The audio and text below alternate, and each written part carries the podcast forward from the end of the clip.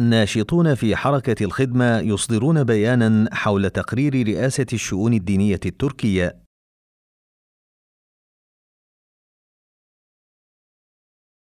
بعنوان تحليل أربعين عاما لحركة جولان نشرت رئاسة الشؤون الدينية التركية في 14 يوليو 2017 تقريرا امتلأ بمزاعم عديدة ضد حركة الخدمة ورائدها الأستاذ فتح الله جولان خلال أربعين عاما الماضية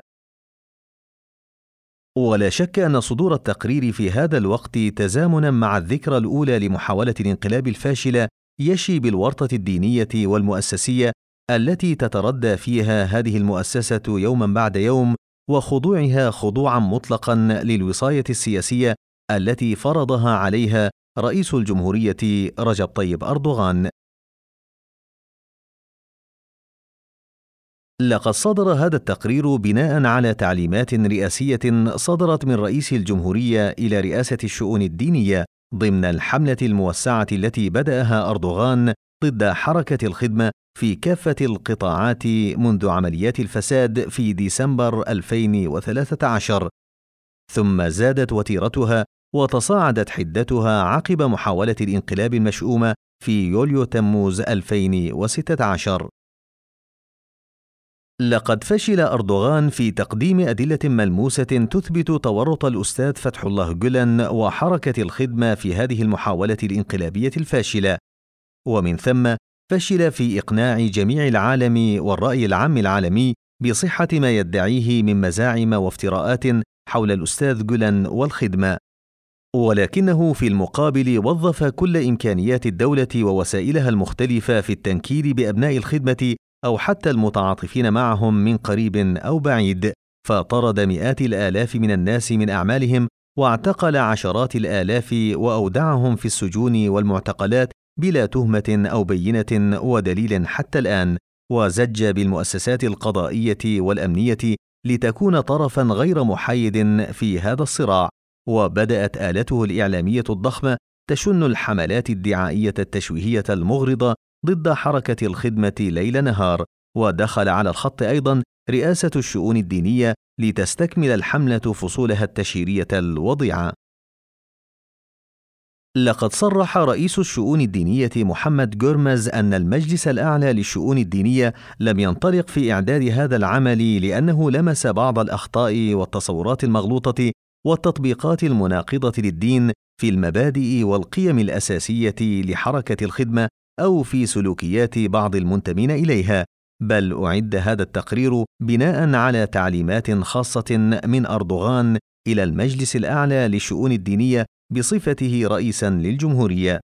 ومن ثم فلا غرابة أن يردد التقرير في محتواه المزاعم التي ذكرها أردوغان في كلمته الافتتاحية التي ألقاها أمام ملتقى الشورى الديني الاستثنائي الذي انعقد في أغسطس 2016 وبلا خجل صاغها تقرير الشؤون الدينية وكأنها معطيات توصل إليها معد التقرير بعد البحث والدراسة.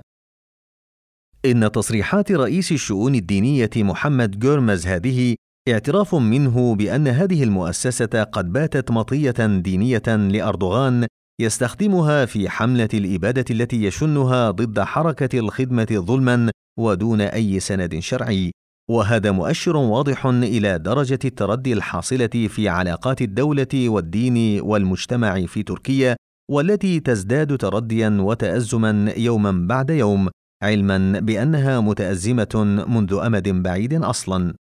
لا شك أن خضوع رئيس الشؤون الدينية للضغوط السياسية في مثل هذا الموضوع عار ينبغي أن يحمر وجهه خجلا منه وخزي سيظل يلاحقه في حياته وبعد مماته ولن يجدي فيه الأسف والاعتذار للشعب الذي أودعه أمانته لكنه في الوقت نفسه يدل على مدى تسلط رئيس الجمهورية على كافة المؤسسات ويعطي مؤشرا على أنه لا ضمان بعد اليوم لأي مجموعة دينية أو مجتمعية في تركيا في أن توضع على لائحة الاستهداف من قبل الدولة في لحظة ما. وأن تتعرض لمثل التجربة المريرة التي تتعرض لها الخدمة الآن وتعاني منها أشد المعاناة.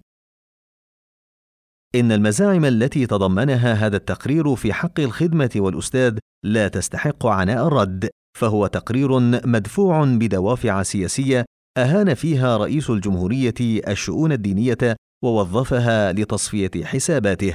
يحتوي على مزاعم ليس لها أساس من الصحة ونتائجه محددة منذ البداية، فهو ليس عملا علميا موضوعيا يستحق إجابة جادة تستند إلى تحليلات علمية، لكننا نريد أن ننبه إلى بعض الأمور في غاية الأهمية ونقول للمسلمين الذين يمكن أن يشوش هذا التقرير على عقولهم في تركيا وفي العالم الإسلامي ما يأتي. إن الأستاذ فتح الله جلن قد عين من قبل رئاسة الشؤون الدينية معلما للقرآن الكريم وإماما وداعية في المساجد وواعظا إقليميا من عام 1959 إلى عام 1981 كما كان يلقي دروسا في المساجد الشهيرة عالميا مثل جامع السلطان أحمد بإسطنبول يحضرها عشرات الآلاف من الناس من عام 1989 إلى عام 1991 بدعوة خاصة من مؤسسة الشؤون الدينية. إن كافة المسؤولين في رئاسة الشؤون الدينية وكافة الدعاة والعاملين المنتمين إليها وجميع الرؤساء السابقين قد عبروا عن تقديراتهم مرارا في حق الأستاذ فتح الله جلان الذي عمل ثلاثين عاما واعظا وفي حق حركة الخدمة التي نمت وترعرعت خلال هذه الفترة بتوصية منه. لم تستخدم رئاسة الشؤون الدينية ولا رؤساؤها ضد الأستاذ فتح الله جلان أو حركة الخدمة أي مقولة أو زعم من نوع الادعاءات التي ذكرت في هذا التقرير من قريب أو بعيد قبل أن يعلن رئيس الوزراء آنذاك أردوغان عن تحقيقات فضائح الفساد التي اطلع عليها الرأي العام في ديسمبر 2013 على أنها انقلاب قضائي ضد حكومته وإعلانه عقب ذلك مباشرة رجال القضاء المتعاطفين مع رؤية الخدمة المسؤول الرئيس عنه وإطلاقه حملة تشويه شرسة ضدهم. لم يكتف أردوغان بالظلم الذي مارسه على متطوع الخدمة في تركيا بل وظف علاقة تركيا مع الدول الأخرى أداة للضغط على تلك الدول وبذل كل ما في وسعه لإغلاق مدارس الخدمة في الخارج أو نقلها إلى أنصاره وحرض على تسليم المواطنين الأتراك الذين يعملون في تلك المدارس إلى تركيا لاعتقالهم بتهمة الإرهاب. ومع فشل تلك المساعي خارج تركيا ما عدا بعض الاستثناءات رغم استخدامه كافة إمكانات الدولة المالية وسلطتها في علاقاتها مع الدول الأخرى عمد إلى استغلال رئاسة الشؤون الدينية لتشويه حركة الخدمة دينيا واغتيال سمعتها الطيبة التي كونتها خلال أربعين عاما من العمل المثمر والبناء.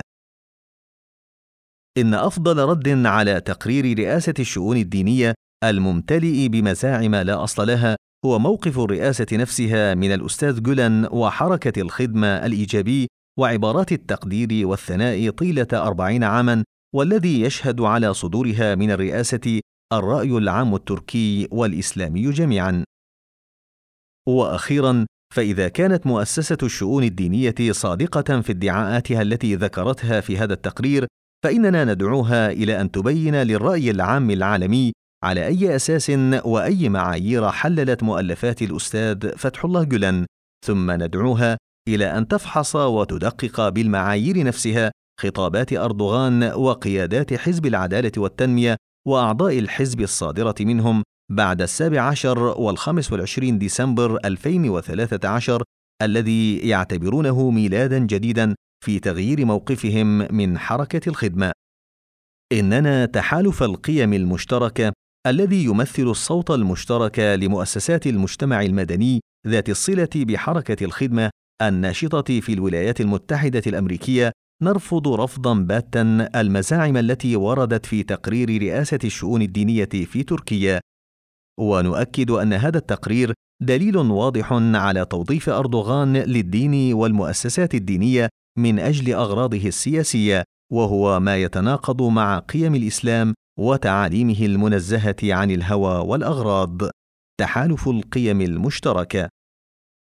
ملحوظة تحالف القيم المشتركة هي المنظمة الأم التي تمثل الصوت المشترك لمؤسسات المجتمع المدني ذات الصلة بحركة الخدمة المجتمعية في الولايات المتحدة الأمريكية،